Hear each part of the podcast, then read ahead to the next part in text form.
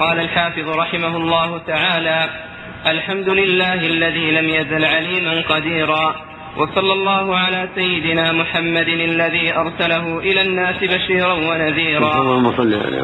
وعلى آل محمد وصحبه وسلم تسليما كثيرا. أما بعد فإن التصانيف في اصطلاح أهل في اصطلاح أهل الحديث قد كثرت وبسطت واختصرت. فسألني بعض الإخوان أن ألخص له المهم من ذلك فأجبته إلى سؤاله رجاء الاندراج في تلك المسالك.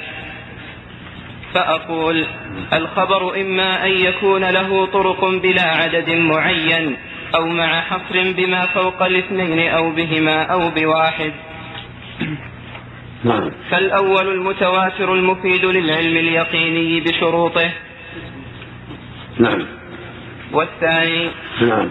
المشهور وهو المستفيض على رأي. والثالث العزيز وليس شرطا للصحيح خلاف لمن زعم والرابع الغريب وكله شرط. نعم. الحمد لله الذي لم يزل عليما قديرا حيا قيوما سميعا بصيرا وأشهد أن لا إله إلا الله وحده لا شريك له وأكبره تكبيرا. وصلى الله على سيدنا محمد الذي أرسله إلى الناس كافة بشيرا ونذيرا وعلى آل محمد وصحبه وسلم تسليما كثيرا. أما بعد فإن, فإن التصانيف في اصطلاح أهل الحديث قد كثرت للأئمة في القديم والحديث. فمن أول من صنف في ذلك القاضي أبو محمد الرام هرمزي وفي في كتابه المحدث الفاصل لكنه لم يستوعب. والحاكم أبو عبد الله النيسابوري لكنه لم يهذب ولم يرتب. وتلاه أبو نعيم الأصبهاني فعمل على كتابه مستخرجا وأبقى أشياء للمتعقب. ثم جاء بسم الله الرحمن الرحيم. اللهم صل وسلم. على محمد وعلى اله واصحابه أما بعد المؤلف رحمه الله الحافظ بن حجر جمع هذه الرسالة النخبة في المصطلح لحاجة الطلبه إلى ذلك. ولطلبهم ذلك منه. فلهذا احتسب الأجر وألف هذا مؤلف واختصر والمؤلفات مثل ما قال رحمه الله كثيرا النشر قد كثرت في هذا الباب وانتشرت.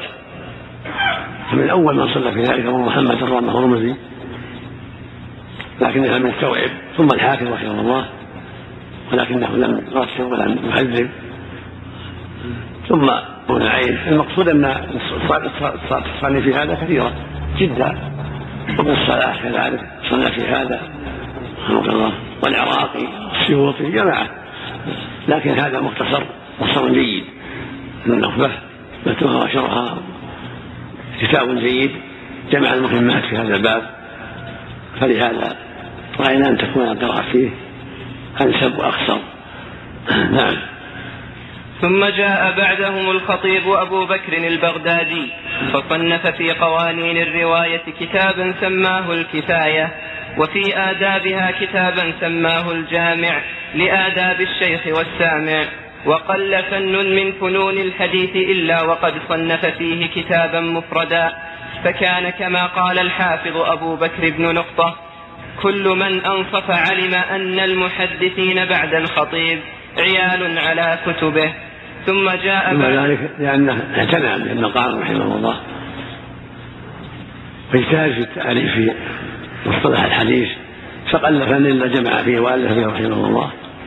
ولهذا صار من بعد كالعيال عليه ينتفعون بكتبه ويستفيدون منها. نعم.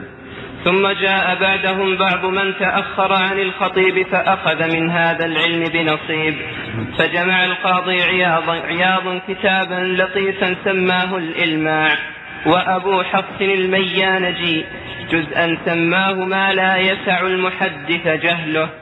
وأمثال ذلك من التصانيف التي اشتهرت وبسطت ليتوفر علمها واختصرت ليتيسر فهمها. إلى أن جاء إلى أن جاء الحافظ الفقيه تقي الدين أبو عمرو عثمان بن الصلاح عبد الرحمن الشهر عبد الرحمن الشهرزوري نزيل دمشق.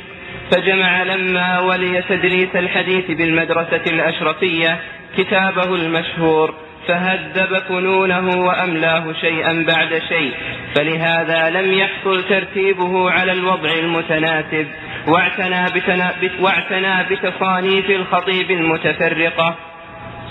فجمع شتات مقاصدها وضم إليها من غيرها نخب فوائدها فاجتمع في كتابه ما تفرق في غيره فلهذا عكف الناس عليه وساروا بسيره فلا يحصى كم ناظم له ومختصر ومستدرك عليه ومقتصر ومعارض له ومنتصر.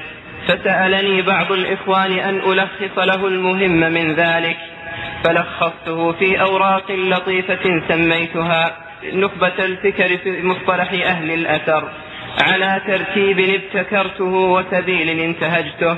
مع ما ضمنته إليه من شوارد الفرائد وزوائد الفوائد. فرغب إلي جماعة ثانيا أن فرغب إلي جماعة ثانيا أن أضع عليها شرحا يحل رموزها ويفتح كنوزها ويوضح ما خفي على المبتدئ من ذلك. فأجبته إلى سؤاله رجاء الاندراج في تلك المسالك. فبالغت في شرحها في الإيضاح والتوجيه. ونبهت على خبايا زواياها لأن صاحب البيت أدرى بما فيه وظهر لي أن إيراده على صورة البسط أليق ودمجها ضمن توضيحها أوفق. فسلكت هذه الطريقة القليلة المسالك فأقول القليلة المسالك ولا السالك؟ المسالك. محتمل المقصود أنها مثل ما قال رحمه الله اعتنى جمع فوائد الكتب الكثيرة في هذا المختصر وشرحها شرحا جيدا مفيدا فجزاه الله خيرا. نعم. نعم. نعم. نعم أحسن. ينبغي فأقول طالبا من الله التوفيق فيما هنالك. فأقول الخبر إما أن يكون له طرق بلا عدد معين أو مع حصر بما فوق الاثنين أو بهما أو بواحد. فالأول المتواتر المفيد للعلم اليقيني بشروطه والثاني المشهور وهو المستفيض على رأي والثالث العزيز وليس شرطا للصحيح خلاف خلافا لمن زعم والرابع الغريب وكلها سوى الأول آحاد وفيها المقبول الأول. نعم. فأقول طالبا من الله التوفيق فيما هنالك الخبر عند علماء هذا الفن مرادف للحديث. وقيل الحديث ما جاء عن النبي صلى الله عليه وعلى آله وسلم والخبر ما جاء عن غيره. ومن ثم قيل لمن يشتغل بالتواريخ وما شاكلها الإخباري ولمن يشتغل بالسنة النبوية المحدث. وقيل بينهما عموم وخصوص مطلق فكل حديث خبر من غير عكس وعبرت هنا بالخبر ليكون أشمل فهو الأقرب, الأقرب أن الحديث هو المختص بالنبي صلى الله عليه وسلم والخبر أوسع. يقال يطلق على الحديث ويطلق على الأخبار تأتي عن الماضين وعن غير النبي صلى الله عليه وسلم. فيقال في الخبر يعني عن النبي صلى الله عليه وسلم إذا عن النبي يعني الحديث. وإذا قيل في الخبر عن بني إسرائيل في الخبر عن صالح عن هود عن نوح عن كذا هذا مقيد. نعم. فالخبر أوسع نعم. نعم. نعم. إلى الجمع. نعم. نسبة إلى الجمع. نعم. وعبرت نعم. وعبرت هنا بالخبر ليكون أشمل نعم. فهو باعتبار وصوله إلينا إما أن يكون له طرق أي أسانيد كثيرة. لأن طرقا جمع طريق وفعيل في الكثرة يجمع على فعل بضمتين وفي القلة على أفعلة والمراد بالطرق الأسانيد والإسناد حكاية طريق المتن وتلك الكثرة السند الرجال والإسناد حكاية حكاية السند حدثنا أو أخبرنا أو سمعت قال إسناد. والسند نفسه هو الرجال. وقد يطلق الإسناد على السند فيبقى إسناده جيد. والمراد سنده. وتلك الكثرة أحد شروط التواتر إذا وردت بلا حصر عدد معين. بل تكون العادة قد أحالت تواطؤهم على الكذب. نعم. وكذا وقوعه منهم وكذا وقوعه منهم اتفاقا من غير قصد. فلا معنى لتعيين العدد على الصحيح. ومنهم من عينه في الأربعة. وقيل في الخمسة وقيل في السبعة وقيل في العشرة وقيل في الاثني عشر وقيل في الأربعين وقيل في السبعين وقيل غير ذلك. وتمسك كل قائل بدليل جاء فيه ذكر ذلك العدد. فأفاد العلم وليس بلازم أن يضطرد في أن يضطرد في غيره لاحتمال الاختصاص. والصواب عدم تقييد بالعدد لأن العدد يختلف. قد يكون أربعة من الثقات العدول المبرزين يقومون مقام أربعين وخمسين من غيرهم. الحاصل أن إذا جاء من بطرق جيدة تحيل وقوع الكذب من هؤلاء تواطؤا أو صدفة فهو المتواتر. فقد يكون أربعة قد يكون خمسة قد يكون عشرة قد يكون أكثر من ذلك. فكل ما كانت الصفات أجود قل العدد كل ما كانت صفات الصدق والحفظ والتقوى أكثر قل العدد كفى العدد القليل من أربعة كما يكون متصل. من أوله إلى آخره بهذا العدد لا ينقص عن العدد الذي تحيل العدد تواطؤا مع كذب أو وقعا واتفاقا. فكل ما كانت صفاتهم أكمل الصدق والعدالة والضبط قل قل العدد نعم. في حاشية الله إليك على قوله وتمسك كل قائل بدليل في الحاشية قال قال شيخنا في حواشيه أي في نظر من عين ذلك العدد وإن كان الواقع أنه لا دليل على شيء من تلك الأعداد كما أشار إلى ذلك بقوله المتقدم على الصحيح نعم. نعم. السلاح هذا اصطلاح المحدثين أو اصطلاح المحدثين لا مشاحة في الاصطلاح لا مشاحة في الاصطلاح الاصطلاح لهم رحمهم الله. نعم.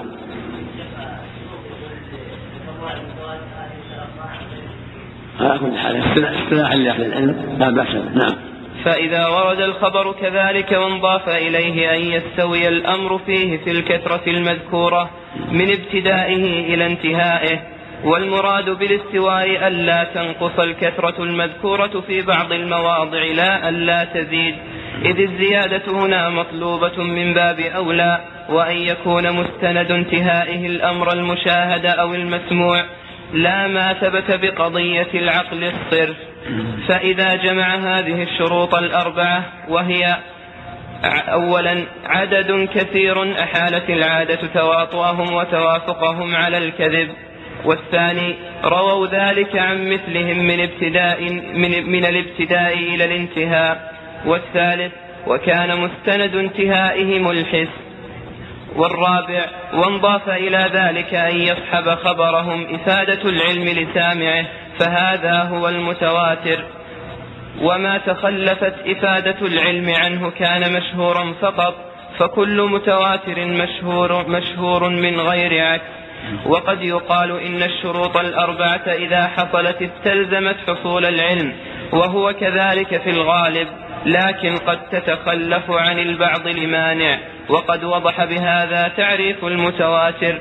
وخلاف المتواتر كما بين المؤلف يرويه عدد كثير من أوله إلى آخره من أوله من المحدث إلى آخره إلى النبي صلى الله عليه وسلم أو إلى غيره من الناس تحيل العادة تواطؤهم على كذب أو وقعهم اتفاقا. وأن يكون المستند الحس المشاهدة أو السماع. رأيت كذا أو سمعت كذا. فإنه بهذا يفيد العلم. واشترط بذلك العلم هو بهذا كله يفيد العلم. إذا حصل العدد الكثير على تواطؤ من الكذب واستمر هذا من أوله إلى آخره. وكان مستمد الحس لا قضية العقل فإنها بهذا يكون مفيدا للعلم يضطر السامع الذي استمع هذه الطرق وأحصاها واعتنى بها يضطره تأمله لها واعتقاده لهذه المعاني أن يستفيد العلم. ويجزم بأن هذا صدر ممن تواتر عنه عن النبي أو عن غيره. ضرورة نعم. وخلافه قد يرد بلا حصر أيضا. فإذا اختل شيء من الشروط صار من باب المشروط. ما لا من باب المتواتر. نعم وخلافه قد يرد بلا حصر أيضا لكن مع فقد بعض الشروط أو مع حصر بما فوق الاثنين. أي بثلاثة فصاعدا ما لم يجمع شروط المتواتر أو بهما أي باثنين فقط أو بواحد فقط. والمراد بقولنا أن يرد باثنين. ألا يرد بأقل منهما فإن ورد بأكثر في بعض المواضع من السند الواحد لا يضر. إذ الأقل في هذا العلم إذ الأقل في هذا العلم يقضي على الأكثر. إذا كان بالسند يدور على اثنين على صحابيين أو تابعيين هذا يقال حديث. ولو كان في بعض المواضع يكثر يكثرون. لكن إذا كان مداره على اثنين فهو عزيز. وإذا كان مداره على واحد فهو غريب. كحديث عمر على معلوم النيات وإذا كان مداره على ثلاثة أو أربعة صار مشهورا نعم. فالأول المتواتر وهو المفيد للعلم اليقيني فأخرج النظري على ما يأتي تقريره بشروطه التي تقدمت واليقين هو الاعتقاد الجازم المطابق وهذا هو المعتمد أن الخبر المتواتر يفيد العلم الضروري وهو الذي يضطر الإنسان إليه. بحيث لا يمكنه دفعه وقيل لا يفيد العلم إلا نظريا وليس بشيء لأن العلم بالتواتر حاصل لمن ليس له أهلية النظر كالعام إذ النظر ترتيب أمور معلومة أو مظنونة يتوصل بها إلى علوم أو ظنون وليس في العامي أهلية ذلك فلو كان نظريا لما حصل لهم. ولاح بهذا التقرير الفرق بين العلم الضروري والعلم النظري. إذ الضروري يفيد العلم بلا استدلال والنظري يفيده لكن مع الاستدلال على الإفادة. وأن الضروري يحصل لكل سامع والنظري لا يحصل إلا لمن فيه أهلية النظر. وإنما أبهبت شروط التواتر في الأصل لأنه على وإنما, أب وإنما أبهمت شروط التواتر في الأصل لأنه على هذه الكيفية ليس من مباحث علم الإسناد إذ علم الإسناد يبحث فيه عن صحة الحديث أو ضعفه ليعمل به أو يترك من حيث صفات الرجال وصيغ الأداء والمتواتر لا يبحث عن رجاله بل يجب العمل به من غير بحث. فائدة ذكرت هذا يختلف لأن أهل النظر يكون التواتر عندهم لأقل يعني عندهم بصيرة فيكون عندهم التواتر بعدد قليل كالأربعة الأربعة والخمسة لما عندهم من العلم بصفات الرجال وأخلاق الرجال فلهذا يثبت عندهم التواتر بأقل. بخلاف من ليس عندهم علم بأحوال الرجال يحتاج إلى كثرة العدد حتى يضطرهم ذلك إلى اليقين. نعم. فائدة ذكر ابن الصلاح أن مثال المتواتر على التفسير المتقدم يعز وجوده إلا أن يدعى ذلك في حديث من كذب علي متعمدا فليتبوأ مقعده من النار وما ادعاه من العزة ممنوع. نعم نعم. كيف يتقوى طالب العلم في علم الرجال؟ نعم بمراجعة كلام هذا بمراجعة كلام هذا من فالأول المتواتر المفيد للعلم اليقيني بشروطه والثاني المشهور وهو المستفيض على رأي والثالث العزيز وليس شرطا للصحيح خلافا لمن زعمه والرابع الغريب وكلها سوى الأول آحاد وفيها المقبول والمردود لتوقف الاستدلال بها على البحث عن أحوال رواتها دون الأول. وقد يقع فيها ما يفيد العلم النظري بالقرائن على المختار. فائدة ذكر ابن الصلاح أن مثال المتواتر على التفسير المتقدم يعز وجوده. إلا أن يدعى ذلك في حديث من كذب علي متعمدا فليتبوأ مقعده من النار. وما ادعاه من العزة ممنوع وكذا ما ادعاه غيره من العدم. لأن ذلك نشأ عن قلة الاطلاع على كثرة الطرق وأحوال الرجال وصفاتهم وصفاتهم المقتضية لأبعاد العادة أن يتواطؤوا على كذب أو يحصل منهم اتفاقا. ومن أحسن ما يقرر به كون المتواتر موجودا وجود كثرة وجود كثرة في الأحاديث أن الكتب المشهورة المتداولة بأيدي أهل العلم شرقا وغربا المقطوع عندهم بصحة نسبتها إلى مصنفيها إذا اجتمعت على إخراج حديث وتعددت طرقه تعددا تحيل العادة تواطؤهم على الكذب إلى آخر الشروط أفاد العلم اليقيني بصحته إلى قائله ومثل ذلك في الكتب المشهورة كثير. وهذا مثل ما قال المؤلف صحيح لأن الصحيحين والسنة أربع. مسند أحمد وغيرهم إذا اجتمعت على أحاديث أو تكرر إسناده بطرق كثيرة ولو عند واحد منهم. تعدد في المشايخ فإنك تستحيل يستحيل أن يتواطأ الحاصل أن هذا يختلف بحسب صفات الرجال. فإذا جاء حديث مسلم من أربعة طرق أو خمسة طرق مختلفة كلهم ثقات.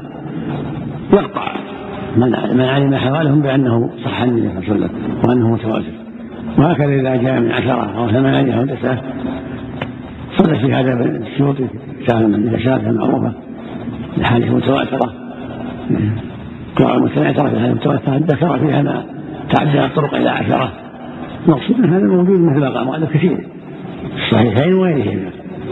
لكن يفهم هذا ما يعرف أحوال الرجال وصفاتهم. فقد يكون متواترا من أربعة قد يكون من خمسة قد يكون من ستة قد يكون من عشرة قد يكون من ثمانية على حسب أحوالهم في الثقة والعدالة والأمانة والضبط نعم. والثاني من هذا حديث كذب متعمدا؟ فسبق بعده من النار. والحديث شفاعة النبي صلى الله عليه وسلم بأهل موقف يوم القيامة وشفاعته في العصاة. كل هذا كلها كلها حديث متواترة وحديث التوحيد أحاديث النجاة من مات على التوحيد كلها حديث متواترة وحديث الدالة على كفر آه، عدم كفر من مات على معصية إذا كان عنده التوحيد رد على الخوارج كلها متواترة والثاني وهو أول أقسام الآحاد. ما له طرق محصورة بأكثر من اثنين وهو المشهور عند المحدثين. محصورة ما له طرق محصورة بأكثر من اثنين نعم. وهو المشهور عند المحدثين. سمي بذلك لوضوحه وهو المستفيض على رأي. وهو المستفيض على رأي جماعة من أئمة الفقهاء. يعني بعضهم يسميه مشهور وبعضهم يسميه مستحيل وهو الذي طرقه لكن لن يصل إلى حد المتواتر. تعدد طرقه لكن لن يصل إلى حد المتواتر. إما لنقص في العدالة أو نقص في الضبط أو ما أشبه ذلك. من ثلاثة فأكثر من طرق ثلاثة فأكثر يقال مشهور فإذا أفاد اليقين صار متواترا. نعم. وهذا يختلف بحسب الراوي الذي روى هذه الطرق من الحفاظ؟ فزيد قد يكون عنده الحديث متواتر يعني عرف من أحوالهم ما لم يعرفه عمرو وعمر ليس عنده متواتر لأنه ما عرف من أحوالهم ما عرفه زيد وهكذا. نعم. سمي بذلك لانتشاره ومن فاض الماء يفيض فيضا ومنهم من غاير بين المستفيض والمشهور بأن المستفيض يكون ابتدائه وانتهائه سواء. والمشهور أعم من ذلك. الصواب الأول المستفيض هو المشهور والمشهور هو المستفيض يعني استفاض بين العلماء عرفوه انتشر بينهم نعم. ومنهم من غاير على كيفية أخرى وليس من مباحث هذا الفن. ثم يعني الأشياء لا تهم المهم كونه يقبل أو ما يقبل. نعم. إن استقام أمر رجاله قبل وإلا نعم. ترى يكون حسنا ترى يكون صحيحا ترى يكون ضعيفا. فلو تعدى طرقه من طريق ابن لهيعة من طريق موسى بن الربذي من طريق عطية العوفي وأشبهه صار ضعيفا ويسمى طريق حسنا. إذا تعدى الطرق بهم من طرق متعددة من باب الحسن لغيره. مثل حديث البسملة في الوضوء. طرقه ضعيفة. كلها لكن حكم بعضهم من باب الحسن لغيره. نعم كابن الصلاح والجماعة الكابن كثير رحمه الله في التفسير قال من باب الحسن. في تفسير سورة المائدة. الله كضعف الشديد مع عدة طرق يحسن الحديث لا الضعف الشديد ما يحسن ما يتحسن مع الحد. نعم. طريقان واحد من طريقين فاكثر إذا كان الضعف خفيف يكون حسن لغيره. نعم. نعم ثم المشهور يطلق على ما حرر هنا وعلى ما اشتهر على الألسنة فيشمل ما له إسناد واحد فصاعدا بل ما لا يوجد له إسناد أصلا. والثالث العزيز. قد يطلق المشهور على حديث لا أصل له أو مشهور بحديث بألفاظ متكررة لكن لا سند له قد يطلق على شيء ما له الكلية قال حديث مشهور يعني مشهور على ألسنة على ألسنة الناس ولكن لا أصل له في الرواية. نعم. نعم.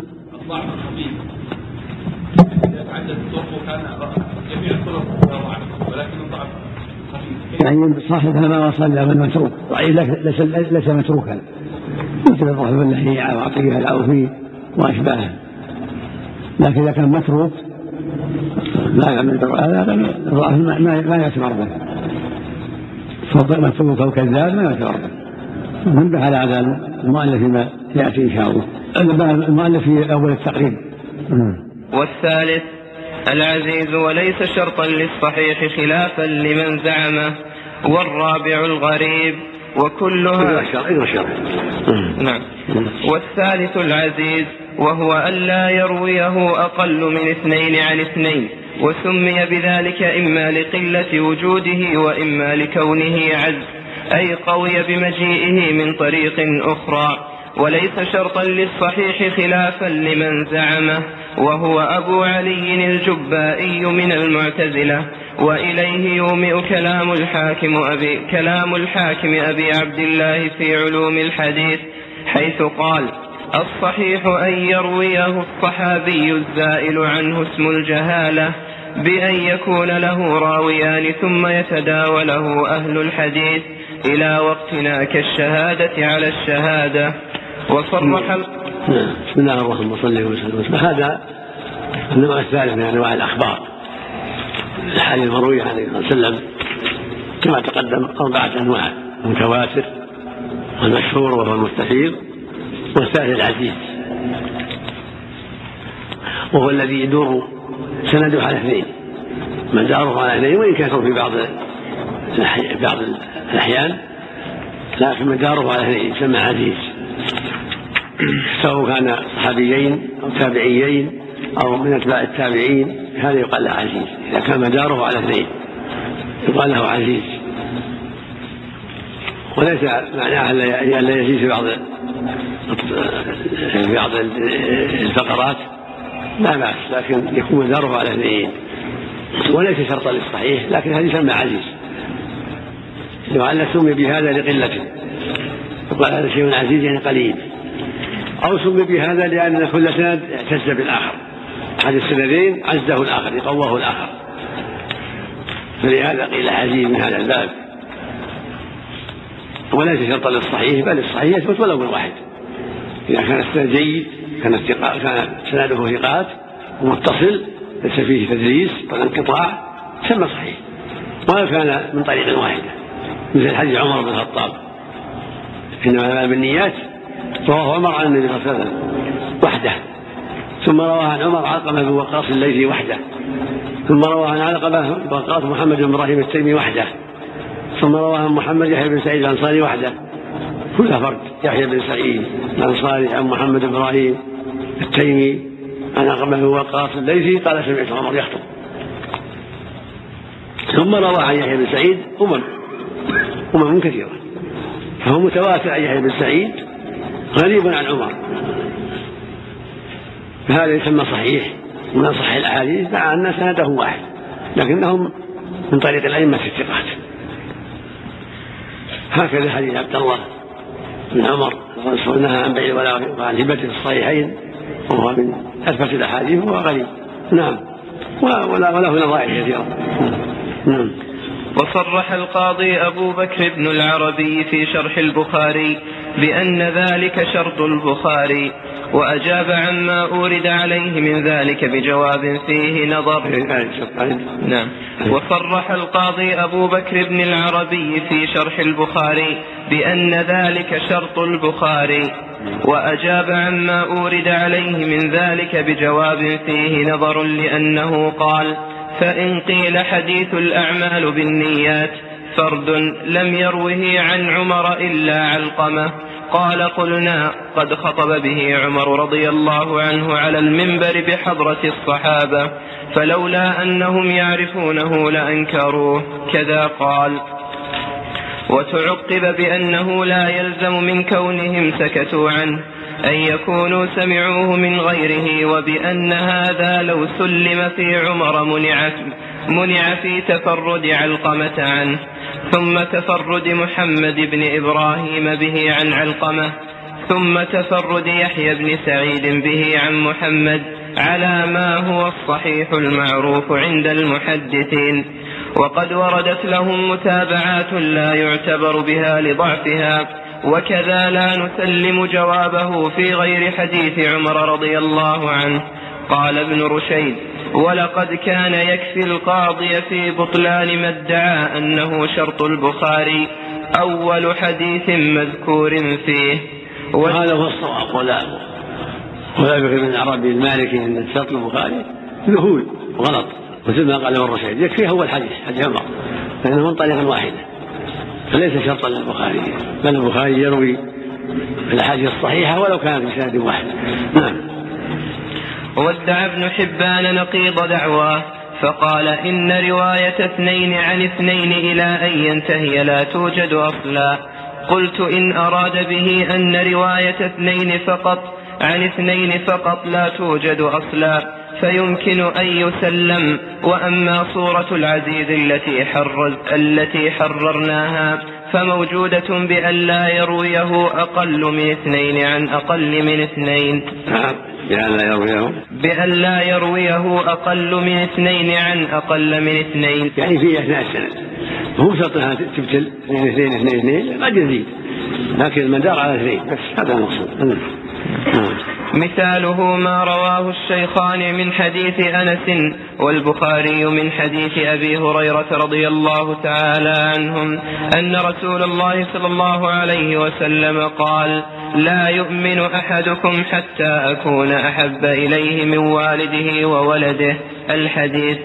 ورواه عن أنس قتادة وعبد العزيز بن صهيب ورواه عن قتادة شعبة وسعيد. ورواه عن عبد العزيز إسماعيل بن علية وعبد الوارث. ورواه عن كل جماعة. والرابع الغريب. وهو ما يتفرد بروايته شخص واحد في أي موضع وقع التفرد به من السند على ما سيقسم على ما سيقسم إليه الغريب المطلق والغريب النسبي وكلها أي الأقسام الأربعة المذكورة. هذا الغريب. يكون مدار على واحد يسمى غريب. كحديث عمر على بالنيات غريب. وأشبهه كل حديث مداره على واحد سواء كان الصحابي أو التابعي أو من بعدهم يسمى غريب. نعم. وكلها ها؟ نعم يسمى غريب. ما دام مداره على واحد لكن ما يلزم أن يكون ضعيف. ليس كل غريب ضعيفا.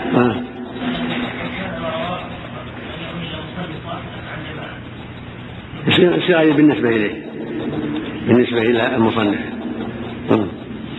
والروى عن المؤلف عن المصنف يصير غريب بالنسبة إليه أما إذا كان رواه آخرون فلا شيء غريب بالنسبة إليه لكن بالنسبة إلى من لم يرد من, من لم يثبت عنده إلا من هذا الطريق مثل من طريق البخاري فقط أو من طريق ابي داود فقط يكون غريب بالنسبة اليه. اختلاط الترمذي كثيرا غريب. اصطلاح لا هذا اصطلاح اللغة. في نظر أو في نظر. نعم.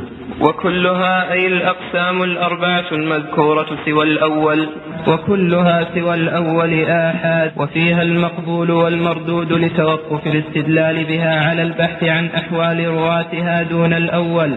وقد يقع فيها ما يفيد العلم النظري بالقرائن على المختار. وكلها أي الأقسام الأربعة المذكورة سوى الأول وهو المتواتر آحاد. ويقال لكل منها خبر. خبر خبر واحد وخبر الواحد في وخبر الواحد في اللغة ما يرويه شخص واحد وفي الاصطلاح ما لم يجمع شروط المتواتر وفيها أي في الآحاد المقبول وهو ما يجب هذا خبر الآحاد. خبر الآحاد ما عدا المتواتر. وقال خبر أحد ولو روى الثلاثة ولا أربعة ولا خمسة قال خبر أحد إذا لم يستجمع شروط المتواتر قد يكون رواه ثلاثة أو أربعة أو خمسة أو أقل لكن لم يستجمع شروط المتواتر يقال خبر واحد. أما في اللغة قال خبر واحد يعني ما تكلم إلا واحد. لكن إذا قال المحدثون خبر أحد يعني أنه لم يستوفي شروط المتواتر وإن كان من طريقين أو من ثلاثة أو من أربعة. نعم. وفيها أي في الآحاد المقبول وهو ما يجب العمل به عند الجمهور. وفيها المردود وهو الذي لم يترجح صدق المخبر, صدق المخبر به لتوقف الاستدلال بها على البحث عن أحوال رواتها دون الأول وهو المتواتر. فكله مقبول لإفادته القطع بصدق مخبره بخلاف غيره من أخبار الآحاد. لكن إنما وجب العمل بالمقبول منها لأنها إما أن يوجد فيها أصل صفة القبول وهو ثبوت صدق الناقل أو أصل صفة أو أصل صفة الرد وهو ثبوت كذب الناقل أولى. فالأول يغلب على الظن فالأول يغلب على الظن ثبوت صدق الخبر لثبوت صدق ناقله فيؤخذ به. والثاني يغلب على الظن كذب, الم... كذب الخبر لثبوت كذب ناقله فيطرح. والثالث إن وجدت قرينة تلح... إن وجدت قرينة تلحقه بأحد القسمين التحق وإلا فيتوقف فيه. وإذا توقف عن العمل به صار كالمردود لا لثبوت صفة الرد. بل لكونه لم توجد فيه صفة توجب القبول. وهذا هو الشاهد هذا الشاهد في جميع أخبار الأحد. فيها المقبول والمردود. إذا توفرت شروط الصحة قبل من صدق الراوي واتصال السند وعدم الشذوذ والعلة قبل سواء كان صحيحا أو حسنا لذاته أو لغيره. وإذا لم توفر شروط القبول رد. وأصل صفات القبول الصدق وأصل صفات الرد الكذب والصفات الأخرى كلها توابع لهذا الأمر. فقد يكون السند واحدا لكنه مسلسل بالثقات والاتصال فيكون مقبولا محتجا به كخبر عمر في أعمال البديات خبر ان عمر نهى عن وعن هبته وأحاديث أخرى كثيرة لأنها جاءت من طرق ثابتة فقبلت وحكم بصحتها. ولو كان الطريق واحدا أو طريقين أو ثلاثة. أما إذا كان الطريق لا فيه المجهول أو فيه مستور أو فيه انقطاع أو فيه ما يوجب الحكم بضعفه هذا هو المردود. لأن صفات القبول لم تتوفر فيه. إما لجهالة الراوي أو لتهمته بالكذب أو لانقطاع السند وعدم اتصاله أو غير هذا من العلل. والثالث المتوقع فيه. لا, لا لم تتضح فيه صفات القبول ولا الرد من الآحاد. بل المجتهد توقف. لم يتضح له سلامة السند ولا عطبه. فيكون موقوف حتى يتبين. هذا بالنسبة إلى الناظر بالنسبة إلى المحدث المجتهد. قد يتوقف فلا يحكم بالرد ولا بالقبول. يحتاج إلى تأمل زيادة هذا يسمى موقوف. وهو في حكم مردود لا يعمل به حتى يتضح. بالنسبة إلى المحدث الذي ينظر فيه لا يجوز له العمل به حتى يتضح له إلحاقه بالمقبول هل يقال الرد فقط؟ بعد هذا نعم وقد يقع فيها أي في أخبار الآحاد أي في أخبار الآحاد المنقسمة إلى مشهور وعزيز وغريب ما يفيد العلم النظري بالقرائن على المختار خلافا لمن أبى ذلك والخلاف في التحقيق لفظي لأن من جوز إطلاق العلم قيده بكونه نظريا وهو الحاصل عن الاستدلال ومن أبى الإطلاق خص لفظ العلم بالمتواتر وما عداه عنده كله ظني لكنه لا ينفي أن ما احتف بالقرائن أرجح ممن أرجح مما خلا عنها. والصواب أن يقع ما يفيد العلم. مثل ما قال المؤلف. قد يقع فيها العلم النظري بالقرائن على المختار بالنسبة إلى المحدث. فإن خبر الآحاد إذا سلسل بالثقات واتصل سنده. أفاد العلم واطمأن له المحدث وجزم بأنه لا شك فيه ولا ريب أنه واقع ثابت عن النبي صلى الله عليه وسلم. ليس ظنيا فقط وإن كانت الحجة قائمة بالظن لكن هي احتفت به الصفات العظيمة في الصدق والعدالة واتصال السند. بين المحدث الذي يعرف هذه الأمور يجزم ويتيقن أنه عند تحدي الاعمال بالنيات يفيد العلم وإن كان طريقا واحدة لأنه مسلسلا بالأئمة الثقات حديث أحاديث كثيرة من في في اسانيدها صحيحة في الصحيحين وغير الصحيحين تفيد الناظر فيها العلم إذا رأى راى اسانيدها ولهذا قال ما بالقرائن على مختار.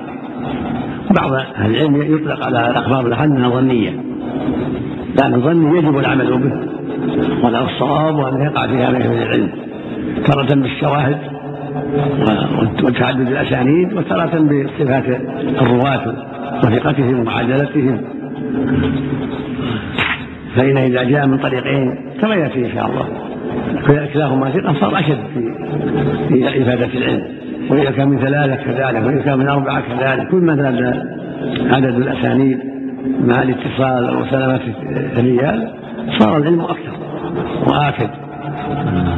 نعم. يا شيخ بارك الله فيك إذا كان في السند رجل مقبول فهل تقبل روايته على الإطلاق؟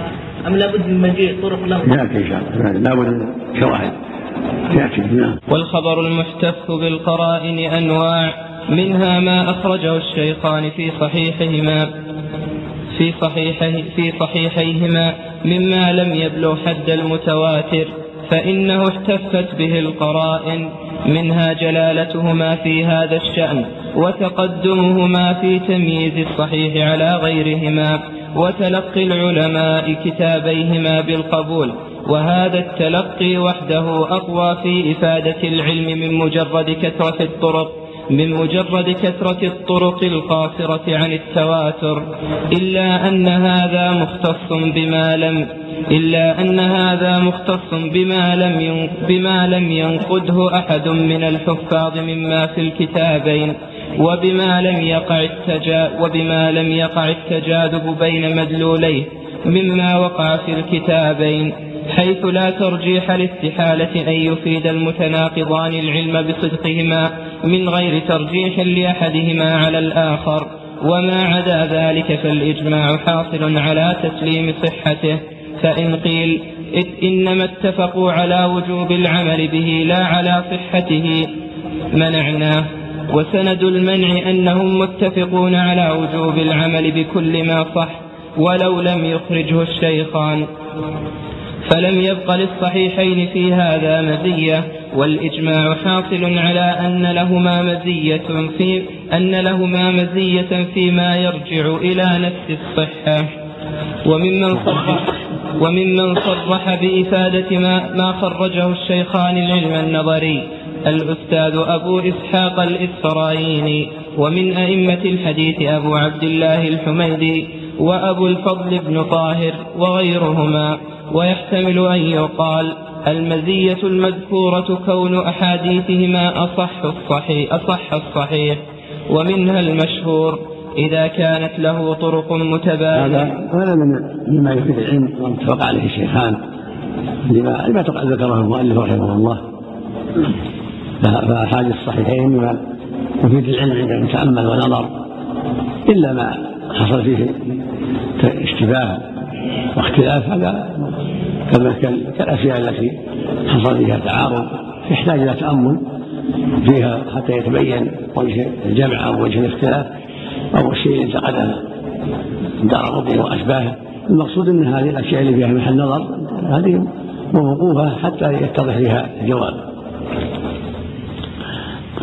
المقصود ما رواه الشيخان هو من الأشياء التي حكت بها القرائن ورفعت العلم نعم.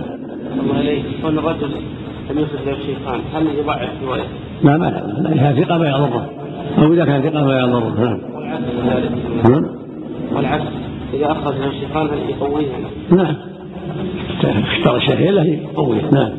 نعم. الله إليك فيها أحد العلماء الكبار في الجرح والتعديل وعلم الرجال يقول أنه في العصر الحديث يقول أن في البخاري ومسلم أو في أحدهما بعض بعض الأحاديث الضعيفة القليلة. هذا شيء قال قد قال بعض العلم لكن ما هو مسلم. ما هو مسلم. الصواب قبول ما فيهما. نعم. هل وجد شيء له حديث واحد. في حديث المسلم حديث وهل فيه. وهي فيه بعض الرواة حديث إن الله خلق. التربة يوم السبت. جعل المخلوقات في سبعة أيام. السبت إلى الجمعة. وهذا مخالف نص القرآن. الله خلق الخلق في ستة أيام. هذا وهم من بعض الرواة. رفع النبي صلى الله عليه وسلم وإنما هو عن كعب الأحبار. غلط بعض الرواة في رفعه. رفعه من طريق أبي هريرة. هذا لا شك أنه وهم كما قال البخاري وغيره. رواه مسلم لكنه وهم. رفع النبي صلى الله عليه وسلم من طريق أبي هريرة وإنما الصواب أن أبا هريرة رواه عن كعب. وهو عن النبي صلى الله عليه وسلم. فوهم بعض الرواة ورفعه النبي صلى الله عليه وسلم وإنما هو عن كعب الاحبار فيه بعض روايات مسلم. جرى تكلم بعضهم فيها يعني ياخذ السماء بيمينه والأرض بشماله. الغسل يعني الأرض يدلوها بالشمال والصواب لا بأس به لأن الادله الداله على اليمين تدل على الشمال. نعم. ولكن كلا يديه يمين كلتا يدي ربي يمين مباركه وليس بيد شمال ففيها في فضل يمين. آه نعم. الله عليكم. التلقي بالقبول. التلقي بالقبول. يقدم على كثرة الطرق في إفادة علم اليقين قد قد يستفاد من هذه الطرق أكثر. إذا رواها طرق جيدة قد يستفاد منها تدل على العلم أكثر. لكن مزية الشيخين كنا اتفق عليه ورأيه صحيحا اتفقتهما هذه مزية خاصة. نعم. نعم. الأفراد مسلم. ولا بأس به. نعم. الله عليك ومنها المشهور إذا كانت له طرق متباينة سالمة من ضعف الرواة والعلل وممن صرح بإفادته العلم النظري الأستاذ أبو منصور البغدادي والأستاذ أبو بكر بن فورك وغيرهما. نعم. كل هذا صحيح. مشهور عند طرقه. إذا سلم من العلم فهو من يفيد العلم. نعم. ومنها المسلسل بالأئمة الحفاظ المتقنين حيث لا يكون غريبا حيث لا يكون غريبا. كالحديث الذي يرويه أحمد بن حنبل مثلا ويشاركه فيه غيره عن الشافعي ويشاركه فيه غيره عن مالك بن أنس فإنه يفيد العلم عند سامعه بالاستدلال من جهة جلالة رواته وأن فيهم من الصفات اللائقة الموجبة للقبول ما يقوم مقام العدد الكثير من غيرهم. وهذا صحيح. المسلسل بالأئمة يفيد العلم. ولا سيما إذا كان من طريقين فأكثر فإنه يفيد العلم. قد يفيد العلم ولو من طريق واحد. كحديث عمر الأعمال بالنيات ولا الآن لو جاءنا الناس نعرف ثقاته ثقتهم. وأخبر فلان عن فلان عن فلان أن المحل الفلاني جاء السيل أو المحل الفلاني أصابته كذا أو فلان قدم من ثور تيقنا ذلك أفادنا العلم بما نعرفه من صفة الرجل الذي أخبر بذلك وشيخه كان اثنين أو أكثر. وكنا نعرف النسبة هذا بالنسبة إلى المخبر على حسب اعتقاده المخبرين.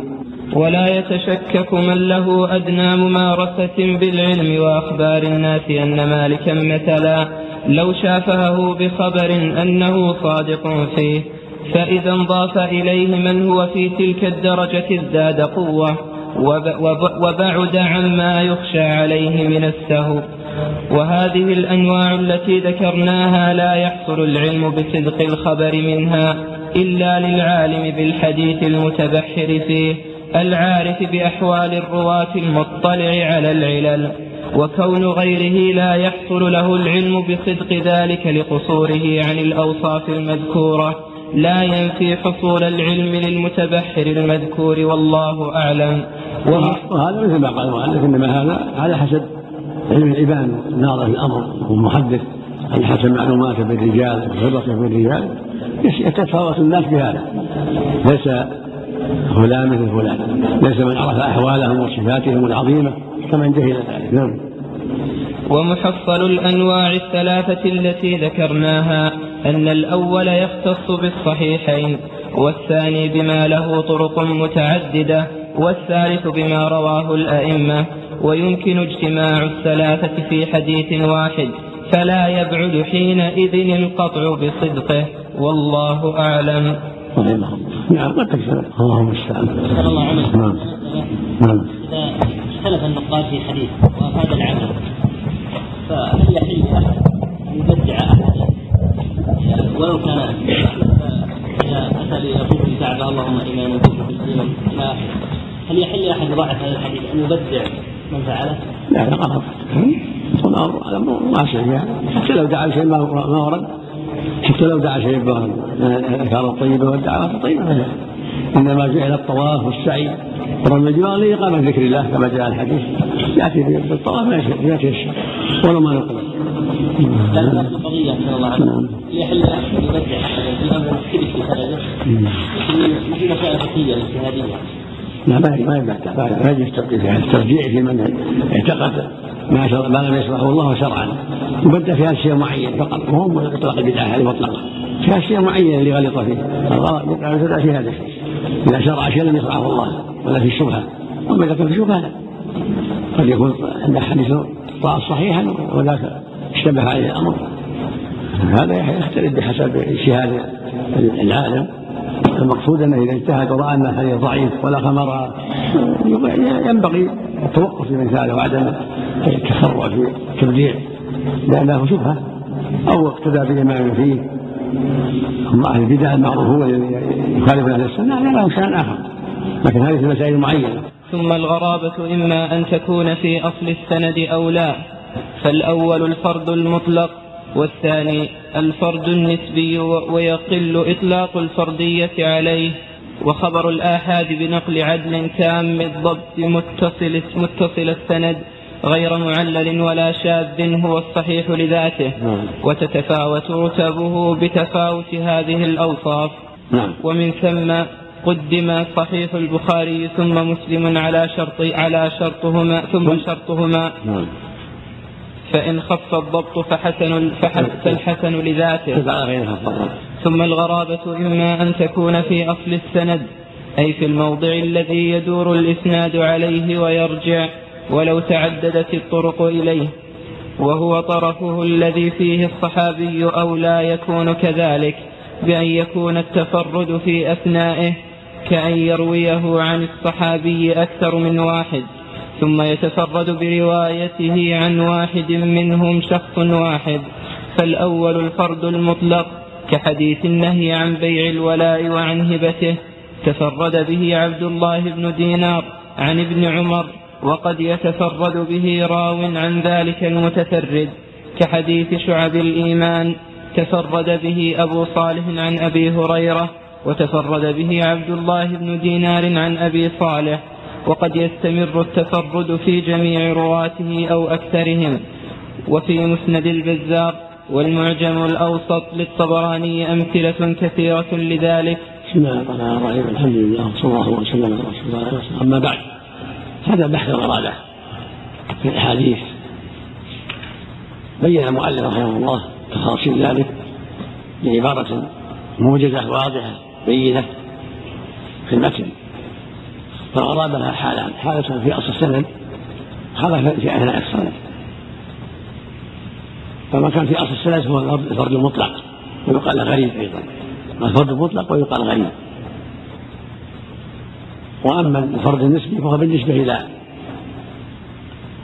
أحد رواة السند. قد يكون مشهور قد يكون عزيز قد يكون في كثير من السند متواتر لكن يدور على واحد. يكون فرد النسبي يكون بعض طرقه على على واحد. فالأول مثل حديث عبد الله بن عمر قد أرسلنا عن بن وعن هبته. وفرد بها عبد الله بن دينار عن ابن عمر. صار فردا مطلقا مثل حديث عمر الأعمال بالنيات. وفرد به علقمة بن وقاص عن عمر. قد يستبد الانفراد بعد أيضا مثل حديث عبد الله بن دينار. عنه ابو صالح. فرد حديث عمر انفرد به محمد بن إبراهيم التيمي عن علقمه بن وقاص. ثم يحيى بن سعيد انفرد به عن محمد بن إبراهيم التيمي. ثم انتشر وتواتر عن يحيى بن سعيد.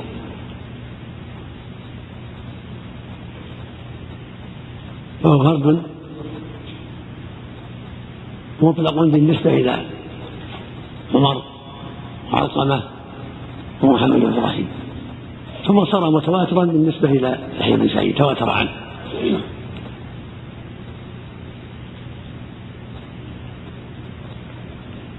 وقد يكون نسبيا يعني يكون الحديث رواه جماعة عن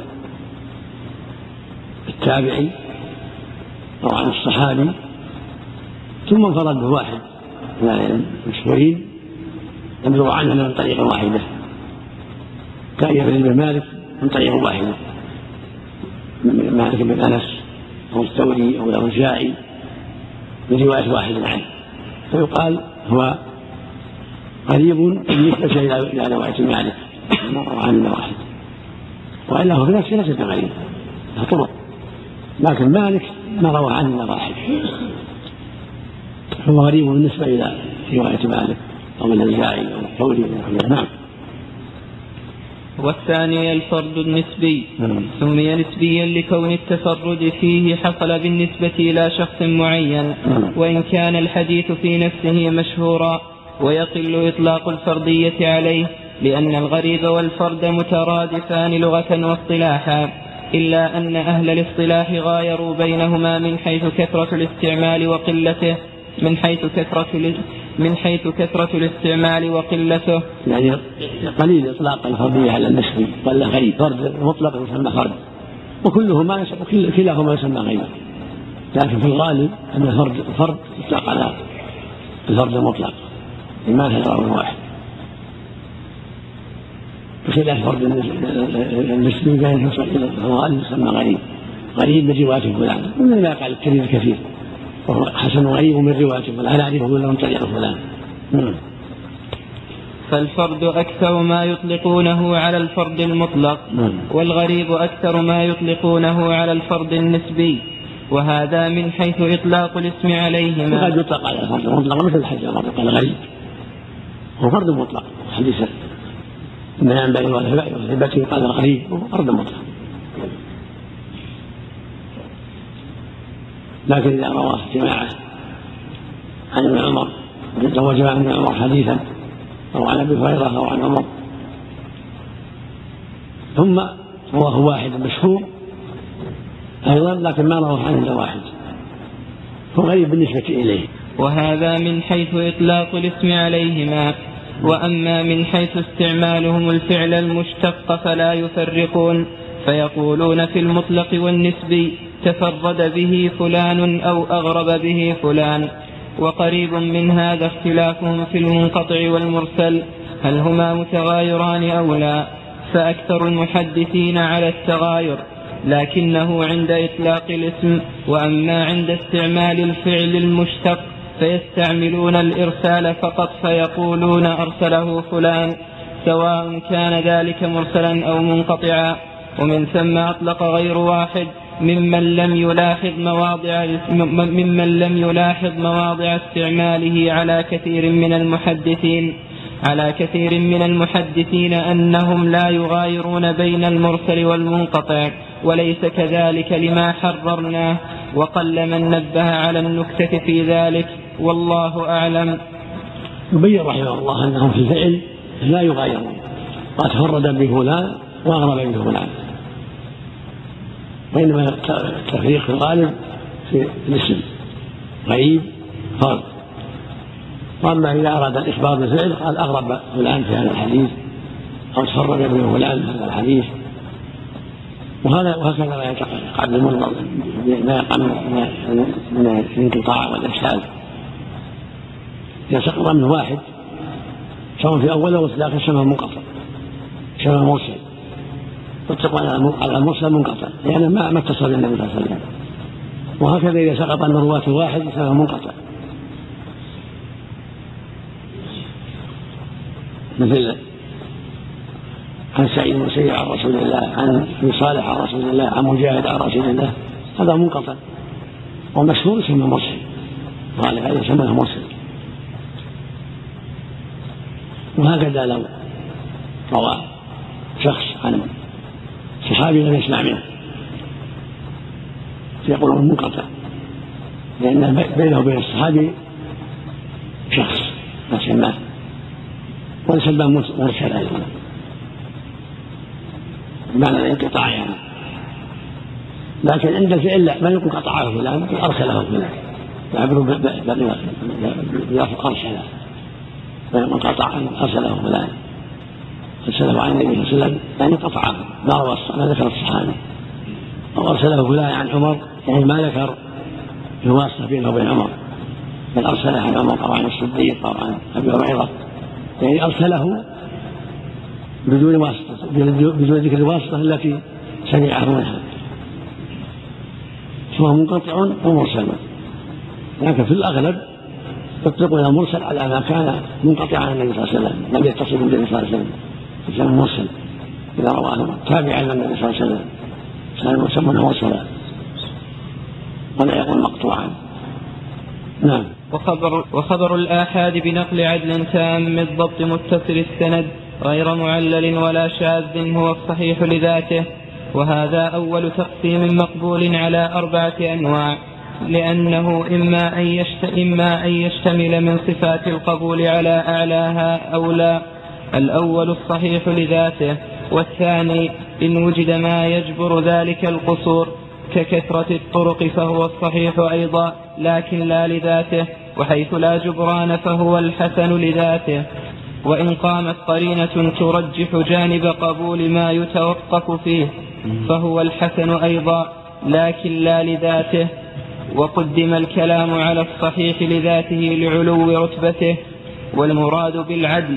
من له ملكة تحمله على ملازمة التقوى والمروءة والمراد بالتقوى اجتناب الأعمال السيئة من شرك أو فسق أو بدعة والضبط ضبط صدر وهو أن يثبت ما, ما سمعه بحيث, لا بحيث يتمكن من استحضاره متى شاء. وضبط كتاب وهو صيانته لديه منذ سمع فيه وصح منذ, منذ سمع فيه وصححه إلى أن يؤدي منه. وقيد بالتام إشارة إلى الرتبة العليا في ذلك والمتصل ما سلم إسناده من سقوط فيه بحيث يكون كل من رجاله سمع ذلك المروي من شيخه. والسند تقدم تعريفه والمعلل لغة ما فيه علة واصطلاحا ما فيه علة خفية قادحة والشاذ لغة المنفرد واصطلاحا ما يخالف فيه الراوي من هو أرجح منه وله تفسير آخر سيأتي. تنبيه قوله وخبر الآحاد كالجنس وباقي قيوده كالفصل. وهذا واضح يعني تفصيل خبر الآحاد. وأنها أقسام أربعة صحيح لذاته وصحيح لغيره وحسن لذاته وحسن لغيره. فإن توفرت الشروط يعني كان من رواية العدل الضابط الضبط التام المتصل غير معلل شاذ هذا يقال هذا صحيح لذاته.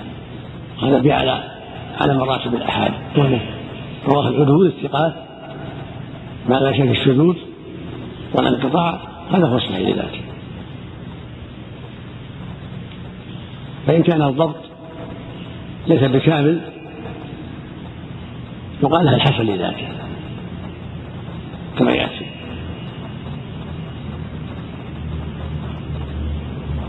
فإن كثرت الطرق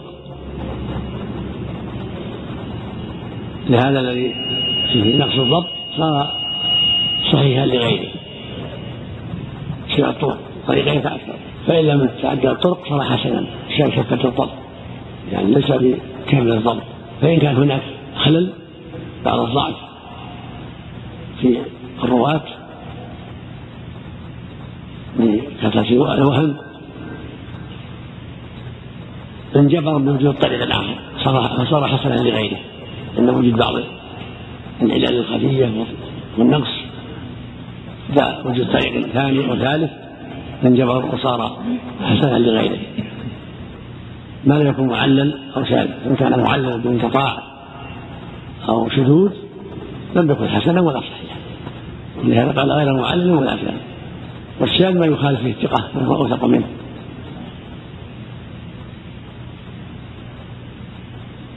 فإذا خالف أوثق منه صار شاذا. ويعبر بالشذوذ الشاذ بالرجل الضعيف اللي يخالف الثقات لكن المغرب يشهر الاشهر أن الشاذ هو ما خالف الثقات فيه من هو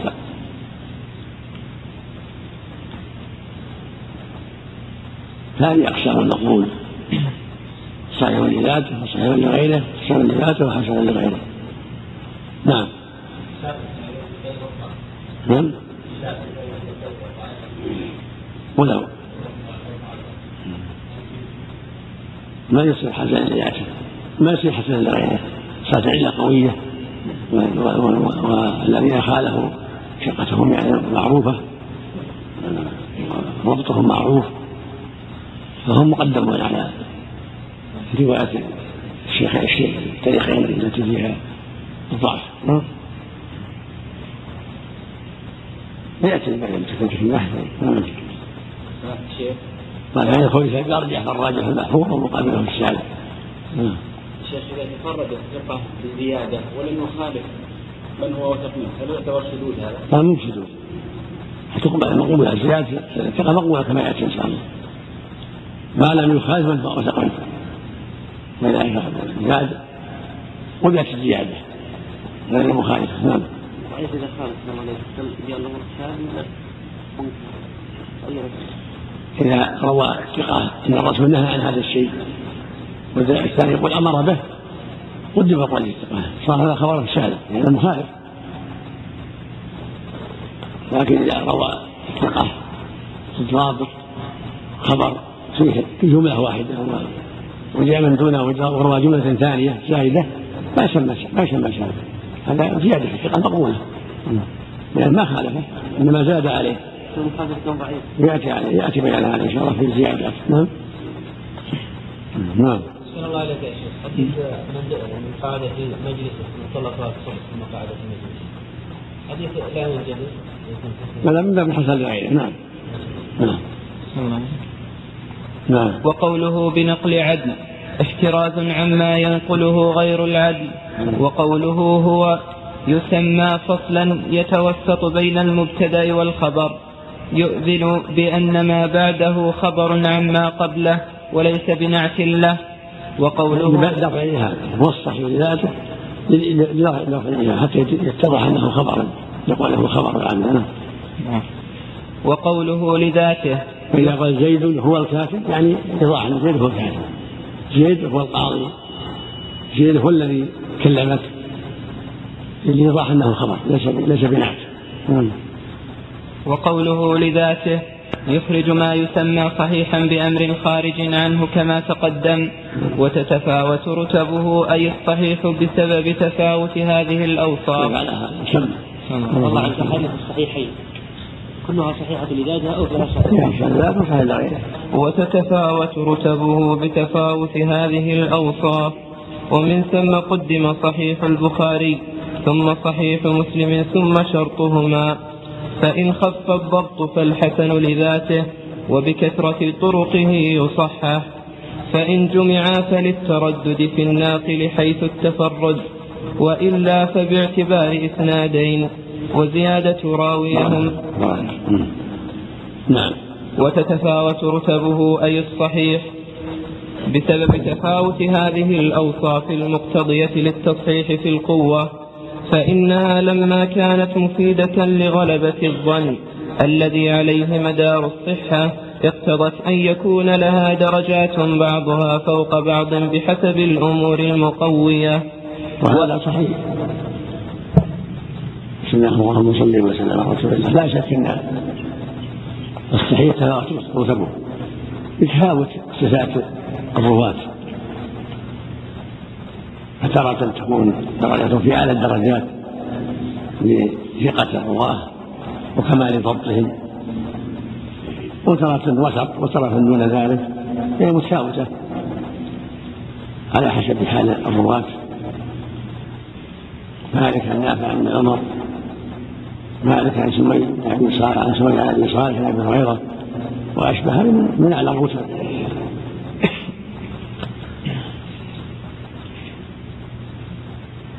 المقصود أن الاسانيد الصحيحة متفاوتة. في هذا على حسب تفاوت الرجال في الضبط وفي صيغ السماع صيغ الرواية والإتقان. نعم. وإذا كان كذلك فما يكون رواته في الدرجة العليا من العدالة والضبط وسائر الصفات التي توجب الترجيح كان أصح مما دونه. فمن المرتبة العليا في ذلك ما أطلق عليه بعض الأئمة أنه أصح الأسانيد. كالزهري عن سالم بن عبد الله عن عمر عن أبيه وكمحمد بن كالزهري عن سالم بن عبد الله عن عن سالم بن عبد الله بن عمر عن أبيه وكمحمد بن سيرين عن عبيدة بن عمرو عن عبيدة بن عمرو السلماني عن علي وكإبراهيم النخعي عن علقمة عن ابن مسعود ودونها في الرتبة نعم نعم. ودونها في الرتبة كرواية بريد بن عبد الله بن أبي بردة عن جده عن أبيه أبي موسى وك كرواية. كرواية بريد بن عبد الله بن أبي بردة عن جده عن أبيه أبي موسى. إيش؟ نعم. وكحماد بن سلمة عن ثابت عن أنس ودونها في الرتبة كسهيل بن أبي صالح عن أبيه عن أبي هريرة وكالعلاء بن عبد الرحمن عن أبيه عن أبي هريرة. فإن الجميع يشملهم اسم العدالة اسم العدالة والضبط إلا أن للمرتبة الأولى من الصفات المرجحة ما يقتضي تقديم روايتهم على التي تليها. وفي التي تليها من قوة الضبط ما يقتضي تقديمها على الثالثة وهي مقدمة, وهي مقدمة على رواية من يعد ما ينفرد به حسنا كمحمد بن إسحاق عن عاصم بن عمر عن جابر وعمر بن شعيب عن أبيه عن جده. حاشية الله إليك. وهذا واضح كله هذا واضح. لأنه إذا خف الضبط انتقل من درجة الحسن إلى من درجة الصحيح إلى درجة الحسن. نعم. في حاشية بعد قول المؤلف كمحمد بن إسحاق عن عاصم قال قال شيخنا في حواشيه على النزهة هو ابن يسار صاحب المغازي وهو معروف بالتدليس فلا يكون إسناده حسنا إلا إذا صرح بالتحديث. فلو قال المصنف حدثنا عاصم بن عمرو بن عمر عن جابر لكان أقرب إلى الصواب فتأمل. إيه. شطر شطر فلو قال المصنف حدثنا عاصم بن عمر عن جابر لكان أقرب إلى الصواب قبلها كان نعم. قال هو ابن يسار صاحب المغازي. ها؟ إيه. وهو معروف بالتدليس. فلا يكون إسناده حسنا إلا إذا صرح بالتحديث. هذا قال شيخنا الذي هو الألباني. نعم. علي حسن يذكر عن الألباني. مقصد الألباني هذا صريح هذا صريح كلام الحافظ. أو كلام الحافظ.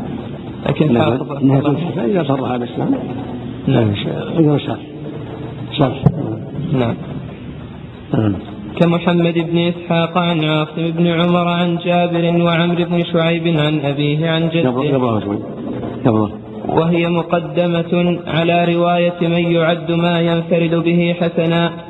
كمحمد بن إسحاق عن عاصم بن عمر عن جابر. نعم. وعمرو بن شعيب عن أبيه عن جده. وقف على هذه المراتب ما يشبهها. نعم بس لها تساهل. كحل محمد بن إسحاق عن عاصم إذا صرها بالسلام فات المؤلف أو فات الشعر هذا. زيادة زيادة كلمة. إذا صرها بالسلام نعم. نعم. وقف على هذه المراتب ما يشبهها. نعم. المرتبة الأولى هي التي أطلق عليها بعض الأئمة أنها أصح الأسانيد والمعتمد عدم الإطلاق لترجمة معينة منها. نعم يستفاد من مجموع ما أطلق الأئمة عليه ذلك أرجحيته على ما لم يطلقوه. ويلتحق بهذا التفاضل ما اتفق الشيخان على تخريجه بالنسبة إلى من فرد به أحدهما ومن فرد به البخاري بالنسبة إلى من فرد به مسلم لاتفاق العلماء بعدهما على تلقي كتابيهما بالقبول واختلاف بعضهم على أيهما أرجح فما اتفقا عليه أرجح من هذه الحيثية مما لم يتفقا عليه. وقد صرح الجمهور بتقديم صحيح البخاري في الصحة ولم يوجد عن أحد التصريح بنقيضه.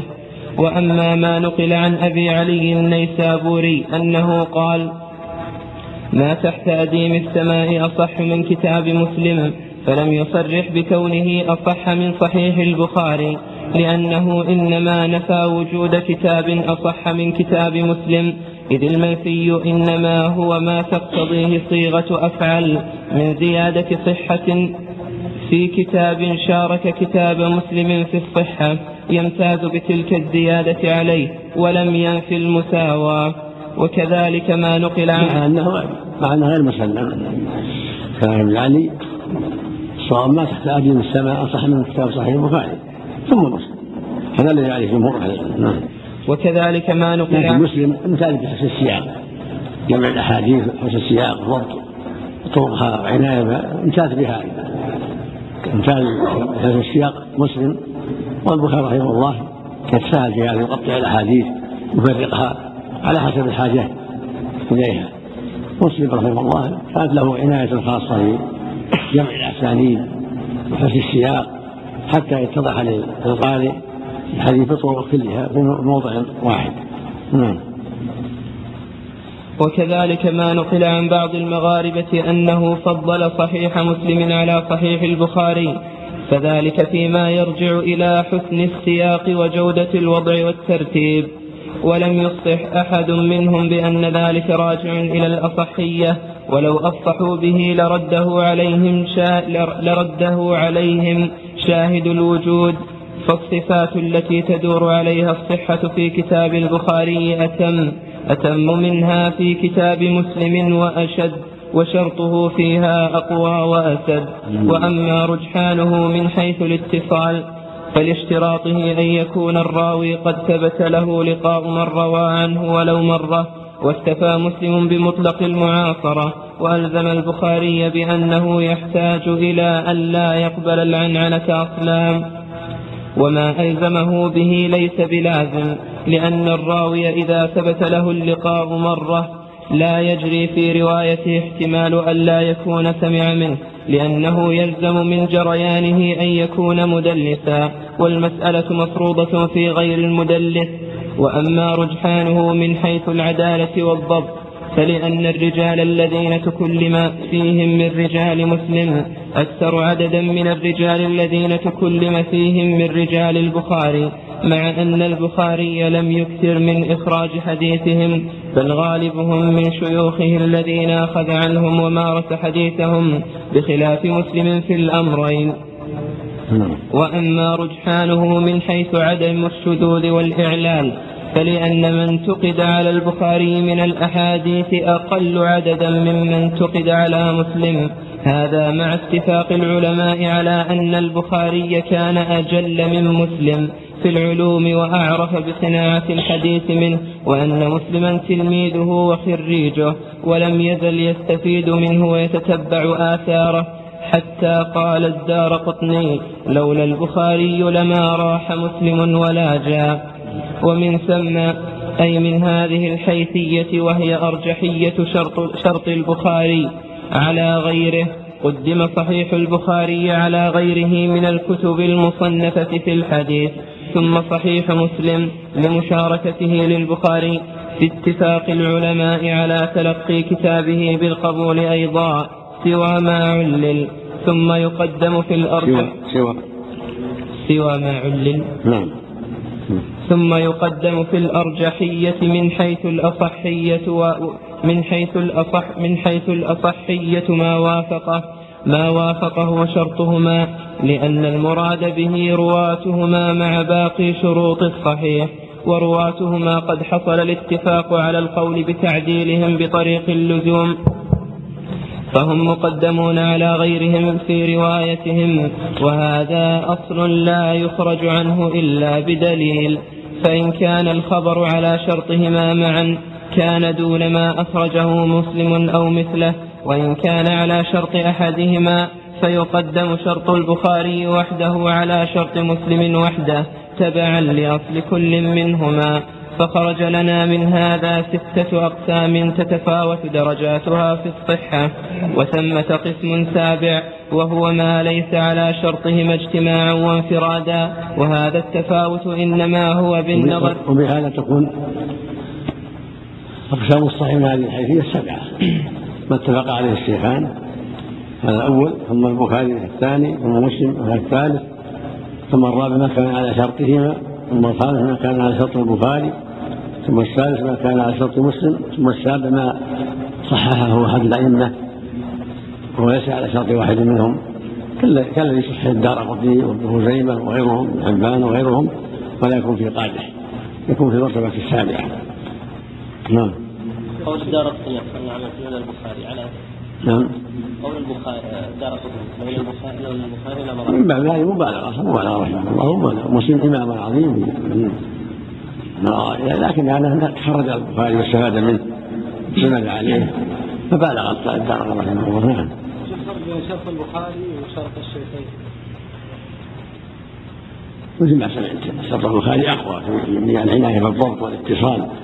وعدد يدخل فيه شرط الشيخين.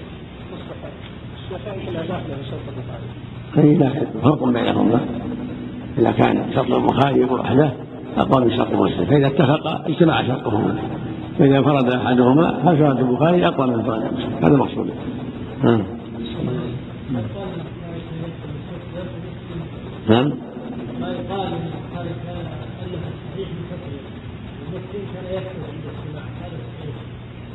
ما هذا لا هذا مهم مهم البخاري على جماعة على حديث هو كتبها واعتنى بها. جماعة على كتبها جمعها من صدور الرجال. واعتنى بها وتثبت فيها أكثر. وهذا التفاوت إنما هو بالنظر إلى الحيثية المذكورة.